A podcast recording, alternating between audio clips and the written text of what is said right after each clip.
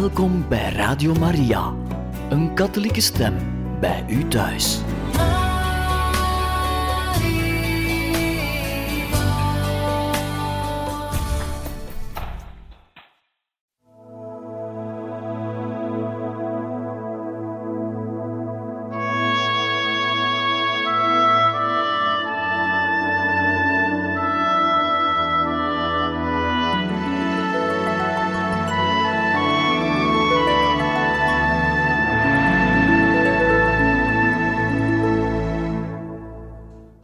Vrienden, beste luisteraars van Radio Maria, welkom in het programma Heiligen Getuigen, waarin we weer verder voorlezen uit het leven van de heilige zuster Faustina.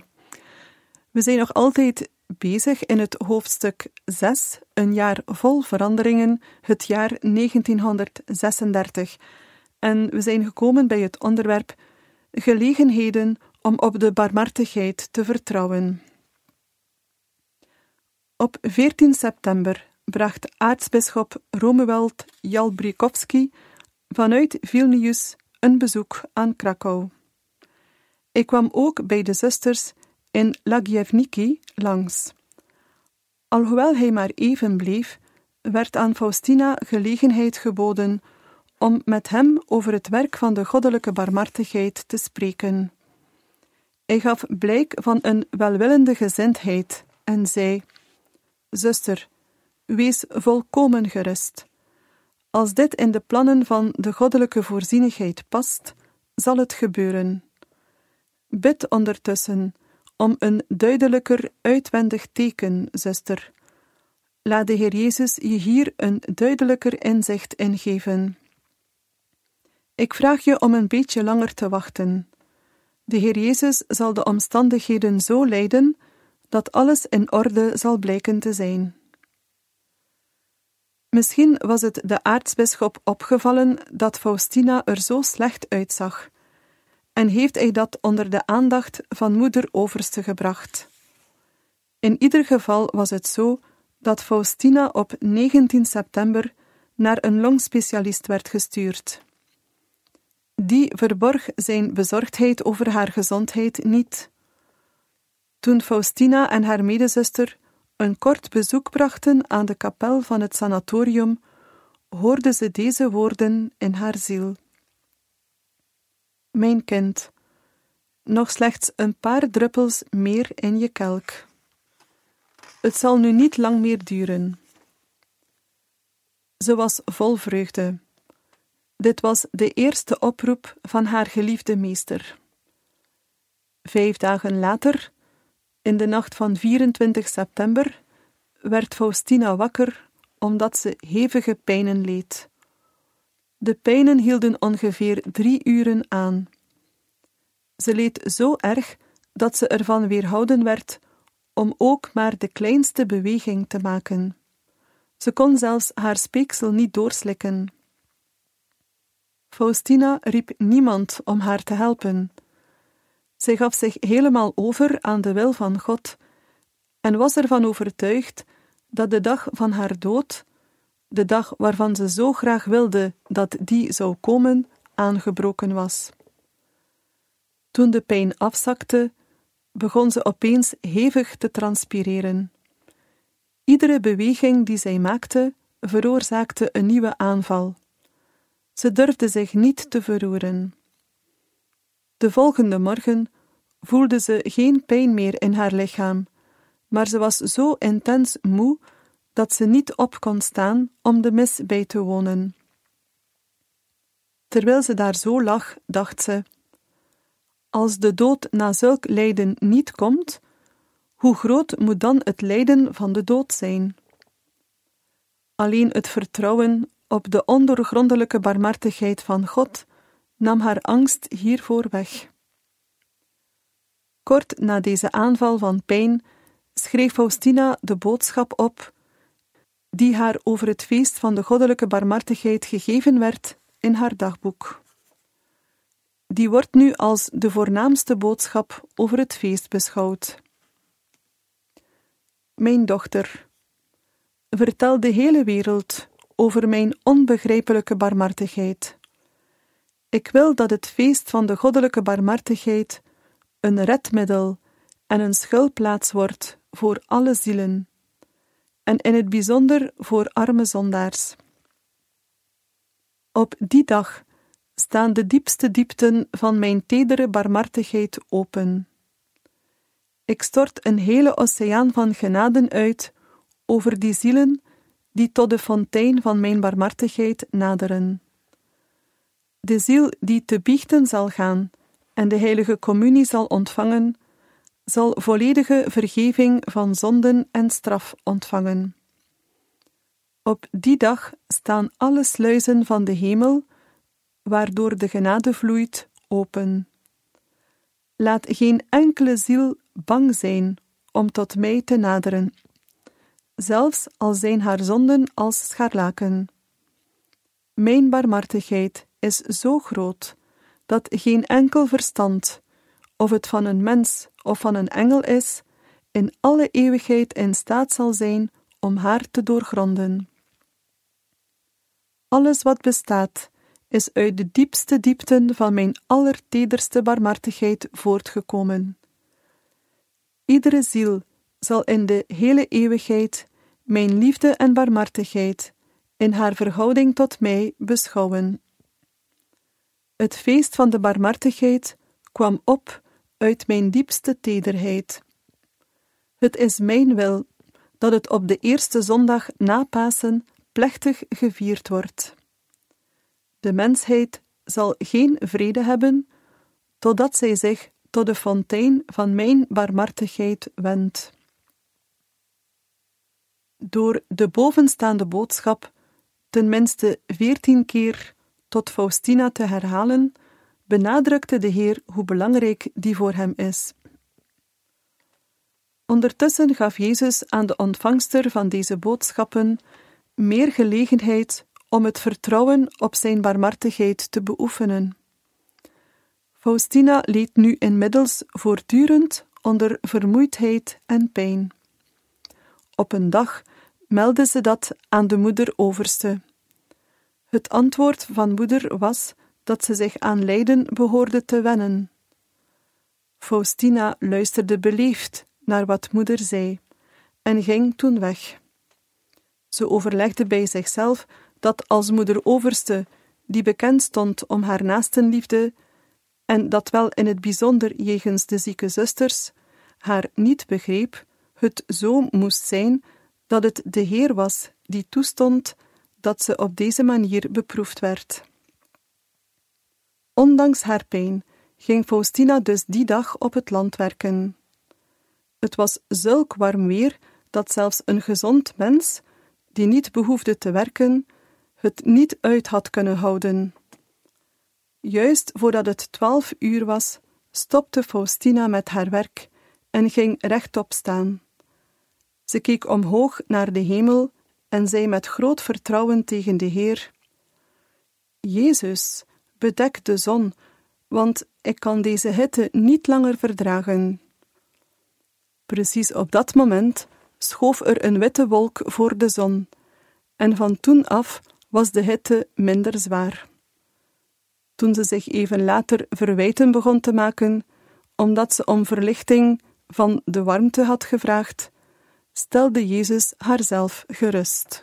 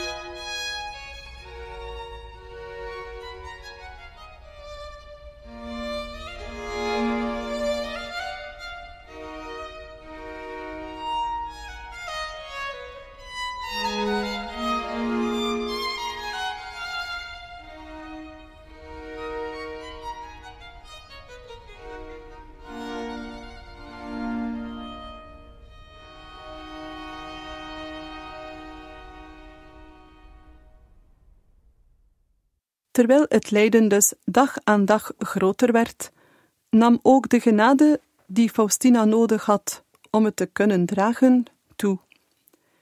In de vereniging met God vond ze innerlijke vrede en lichamelijke kracht. Nog altijd was het thema van haar dagelijkse gewetensonderzoek om na te gaan hoe ze zich met de barmhartige Christus verenigd had, want ze wist dat ze door deze vereniging buitengewoon sterk werd. En dus waren haar daden, welke dan ook, geordend door de barmhartigheid die uit liefde voortgevloeid was. Zoals al eerder vermeld, dienden de engelen Faustina op een bijzondere manier. Op 29 september, het feest van de aartsengel Michael, zag Faustina deze grote leider naast haar staan. Hij zei tegen haar: De Heer heeft mij opdracht gegeven om bijzonder goed voor jou te zorgen. Weet dat je door de boze gehaat wordt, maar wees niet bang. Wie is als God? Hij verdween, maar vanaf die tijd voelde Faustina zijn aanwezigheid en hulp. Lijden en genade bleven zo met elkaar verweven. De dokter van het sanatorium in Pratnik, die de diagnose van haar ziekte, tuberculose, vaststelde, gaf opdracht dat Faustina afgezonderd moest worden van de andere zusters. Verbreiding van de ziekte moest voorkomen worden. Ze werd ondergebracht op de ziekenafdeling van het klooster, maar men ontsloeg haar niet van haar dagelijkse werkzaamheden. Op een dag voelde Faustina dat ze het niet tot negen uur kon volhouden. Ze vroeg aan de dienstdoende zuster in de keuken om haar iets te eten te geven en legde uit dat ze zich niet goed voelde.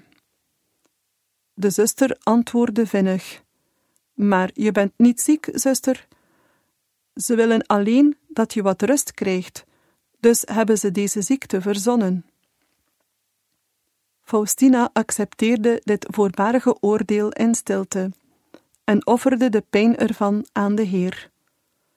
Zo reageerde ze ook op alle andere pijn en wonden die men haar aandeed. Grote vreugde vervulde haar hart toen ze op 5 oktober een brief van Pater Sopoko kreeg. Hij was van plan een bidprentje van de barmhartige Christus te laten drukken en vroeg haar een zeker gebed dat zij geschreven had op te sturen. Met de aartsbisschop er goedkeuring aan gaf, zou het op de achterkant van het bidprentje gedrukt worden. Bij deze gelegenheid schreef ze: O, wat een grote vreugde vervult mijn hart, dat God mij dit werk van Zijn barmhartigheid heeft laten zien. Hoe groot is dit werk van de Allerhoogste God? Ik ben slechts Zijn werktuig. O, hoe vurig wens ik dit feest van de goddelijke barmhartigheid te zien, dat God door mij verlangt. Maar als het de wil van God is dat het eerst na mijn dood plechtig gevierd zal worden, dan verheug ik mij er toch nu al in. Ik vier het inwendig met toestemming van mijn biechtvader. Toen Faustina op 11 oktober over de grote barmhartigheid van God en het grote voordeel daarvan voor de zielen zat te schrijven, voelde zij plotseling de aanwezigheid van Satan in de kamer. In grote razernij en woede probeerde hij haar vrede op alle mogelijke manieren te verstoren. Ze werd er bang van, maar ze nam onmiddellijk haar crucifix op en maakte een kruisteken. Het beest kalmeerde dadelijk en verdween. In vrede ging ze verder met schrijven. De woede en haat van de boze manifesteerde zich vaak openlijk als zij over de goddelijke barmhartigheid aan het schrijven was, en het feit dat hij haar niet van streek kon brengen, dreef hem tot nog grotere razernij. Het was ook op een dag in oktober dat de Heer tegen Faustina zei: Ga naar de overste en zeg tegen haar dat ik wil dat alle zusters en pupillen de rozenkrans bidden die ik je geleerd heb. Ze moeten die negen dagen lang in de kapel bidden, om mijn vader te verzoenen en om Gods barmhartigheid over Polen af te smeken. Ze antwoordde dat ze hier eerst met pater Andras over moest spreken. Door omstandigheden waar ze geen aandacht aan had kunnen behoren te schenken, dat bekende ze, sprak ze er echter niet met pater Andras over toen hij kwam. Ze besloot toen om dat maar te doen als hij weer kwam. Ze merkte hoezeer dit aan God mishaagde. Onmiddellijk verliet de tegenwoordigheid van God haar, die anders onafgebroken en duidelijk aanwezig was. De duisternis overheerste in zo'n mate in haar ziel dat ze er niet meer zeker van was of ze nog wel in staat van genade was. Vier dagen lang ontving ze de heilige communie niet. Het was een groot offer voor haar om dit na te laten. Toen ze pater Andras weer bezocht, vertelde ze hem alles. Hij troostte haar en zei: Je hebt de genade van God niet verloren, maar wees niet tegenstaande dat trouw aan Hem. Op het ogenblik dat ze de biechtstoel verliet, omgaf Gods tegenwoordigheid haar weer als tevoren. Ze begreep dat Gods genade precies zo ontvangen moet worden als Hij die zendt, en op de manier waarop Hij wil. Men moet die in de vorm waarin God ze tot ons zendt ontvangen. Ze nam zich toen voor om zelfs aan de kleinste genade van God trouw te zijn. Die nacht werd ze door lichamelijke pijn uit de slaap gehouden. Ze bracht de nacht dus door met zich erop voor te bereiden Jezus de volgende dag in de heilige communie te ontvangen. Nadat ze de volgende morgen de heilige communie ontvangen had, zei Jezus tegen haar: Omdat je zo bijzonder ellendig bent, heb ik aan jou de hele oceaan van mijn barmhartigheid laten zien. Ik zoek en verlang naar zielen zoals de jouwe, maar er zijn er maar weinig. Je grote vertrouwen in mij dwingt mij om je voortdurend genaden te verlenen. Je hebt grote en onbegrijpelijke rechten op mijn hart, want je bent een dochter van volkomen vertrouwen. Kort hierna zei Jezus tegen haar: De genaden die ik je verleen, zijn niet voor jou alleen, maar eveneens voor een groot aantal andere zielen. Je hart is mijn vaste woonplaats, ondanks de ellende die je bent. Ik verenig mezelf met jou. Neem je ellende weg en geef je mijn barmhartigheid. Ik voer in iedere ziel werken van barmhartigheid uit. Hoe groter de zondaar iemand is, hoe groter het recht dat hij op mijn barmhartigheid heeft. Mijn barmhartigheid wordt door ieder werk van mijn handen bevestigd. Hij die op mijn barmhartigheid vertrouwt, zal niet omkomen, want al zijn aangelegenheden zijn de mijne geworden. Al zijn vijanden zullen voor mijn voetbank verpletterd worden. Een ongewone achtdaagse retraite. De achtdaagse retraite onder leiding van pater Walter Voiton, Jezuïet, zou op 20 oktober 1936 beginnen. Toen Faustina bad, voor alleen maar een beetje gezondheid, zodat ik aan de retraite kan deelnemen, voelde ze een vreemde onvoldaanheid. Ze brak haar smeekgebed af en veranderde het in een dankgebed voor alles wat God haar zou sturen. Zij onderwierp zich volkomen aan zijn heilige wil. Onmiddellijk keerde de diepe vrede in haar ziel terug. Toen ze de Heer vroeg hoe ze zich gedurende deze retraite moest gedragen, hoorde ze in haar ziel: Ik wil dat je helemaal in liefde omgevormd wordt en dat je vurig brandt als een zuiver slachtoffer van liefde. In deze retraite zal ik je voortdurend dicht aan mijn hart houden, zodat je mijn barmhartigheid beter leert kennen, die barmhartigheid die ik voor alle mensen en in het bijzonder voor arme zondaars heb.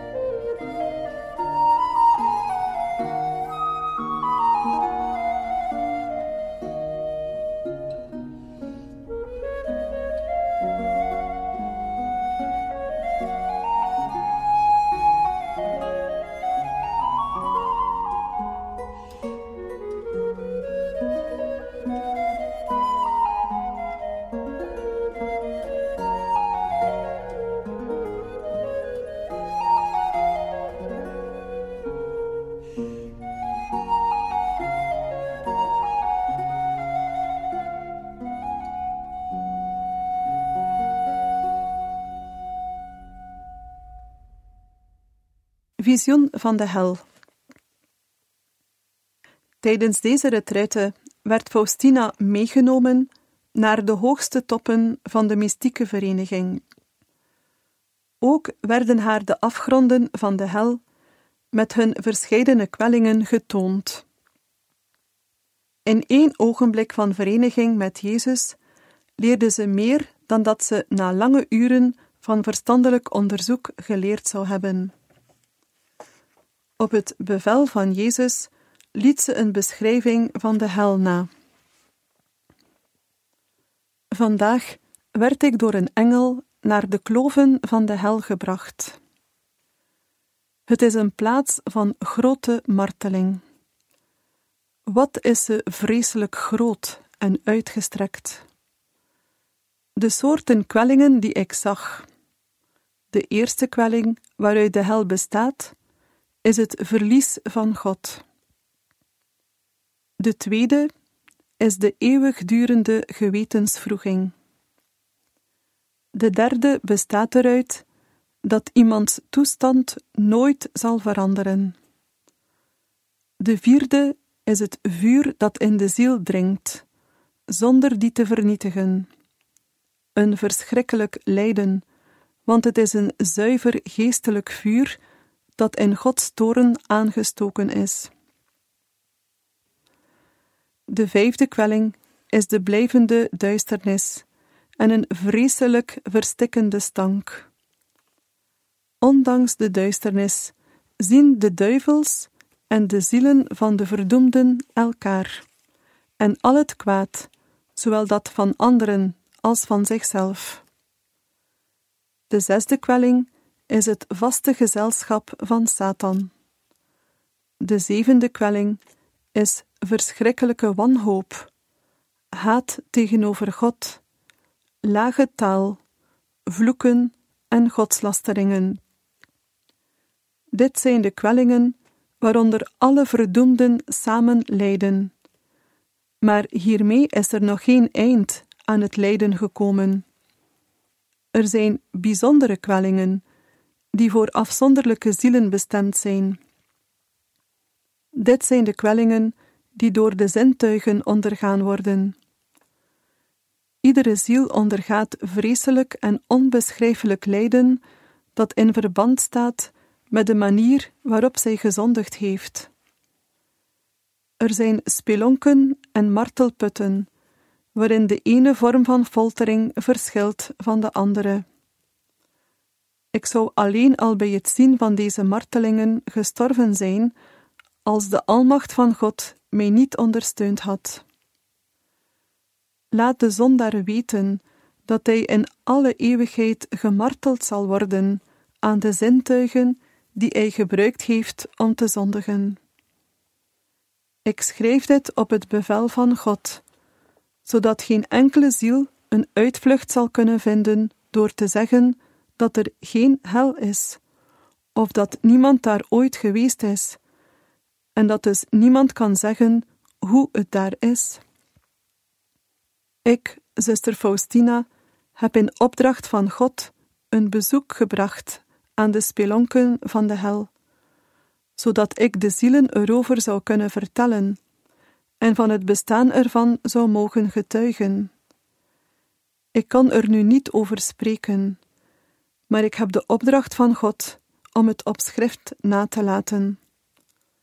De duivels waren vol haat jegens mij, maar ze moesten mij op het bevel van God gehoorzamen. Wat ik opgeschreven heb, is maar een zwakke afspiegeling van de dingen die ik gezien heb.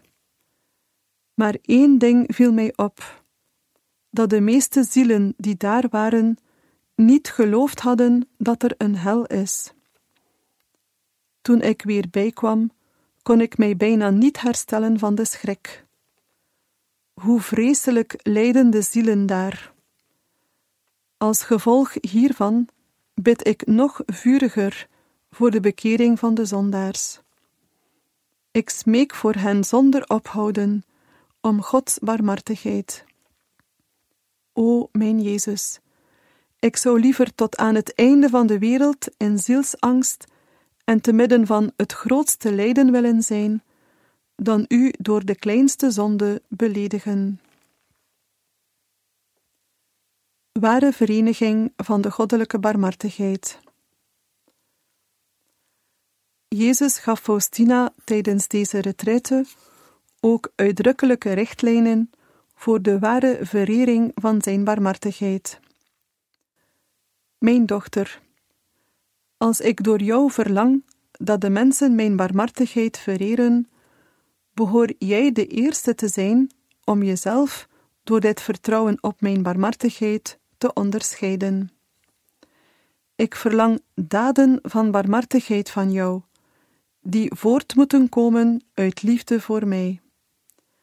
Je moet altijd en overal barmhartigheid aan je naaste bewijzen. Schrik hier niet voor terug en probeer jezelf er niet voor te verontschuldigen of jezelf ervan te ontslaan. Ik wijs je drie manieren aan waarop je barmhartigheid aan je naaste kunt bewijzen. De eerste, door de daad. De tweede, door een woord. De derde, door gebed. In deze drie graden is de volheid van barmhartigheid vervat, en ze zijn het onbetwistbare bewijs van liefde voor mij. Hierdoor eert een ziel mijn barmhartigheid en bewijst er eerbied aan. Ja, de eerste zondag na Pasen is het feest van de barmhartigheid. Maar er moeten ook daden van barmhartigheid zijn. Ik verlang de verering van mijn barmhartigheid door middel van een plechtige viering van het feest en door de verering van de geschilderde afbeelding. Door middel van deze afbeelding zal ik vele genaden aan zielen verlenen. Het moet een herinnering zijn aan de eisen van mijn barmhartigheid, want zelfs het sterkste geloof is zonder werken vruchteloos. De woorden die Jezus aan het begin van de retraite tegen Faustina gesproken had, begonnen hun uitwerking te hebben. Op het feest van Christus Koning, dat in 1936 op 25 oktober gevierd werd, schreef ze in haar dagboek: Tijdens de heilige mis werd ik zo in het grote inwendige vuur van Gods liefde en het verlangen om zielen te redden gehuld, dat ik niet weet hoe ik het onder woorden moet brengen. Ik voel dat ik helemaal in vuur en vlam sta. Ik zal alle kwaad bestrijden met het wapen van de barmhartigheid. Ik word verteerd door het verlangen om zielen te redden. Ik trek door de wereld in haar lengte en haar breedte, en waag me tot aan haar uiterste grenzen en onherbergzaamste landstreken om zielen te redden. Ik doe dit door gebed en offer. Ik wil dat iedere ziel de barmhartigheid van God verheerlijkt, want ieder ervaart de uitwerkingen van die barmhartigheid aan zichzelf. De heiligen in de hemel aanbidden de barmhartigheid van de Heer. Ik wil die ook nu hier op aarde aanbidden en de devotie ertoe verspreiden op de wijze die God van mij vraagt. Beste luisteraars van Radio Maria, wij beëindigen hier voor vandaag het voorlezen uit het leven van de heilige zuster Faustina. Wij danken u heel hartelijk voor het luisteren en graag tot een volgende keer.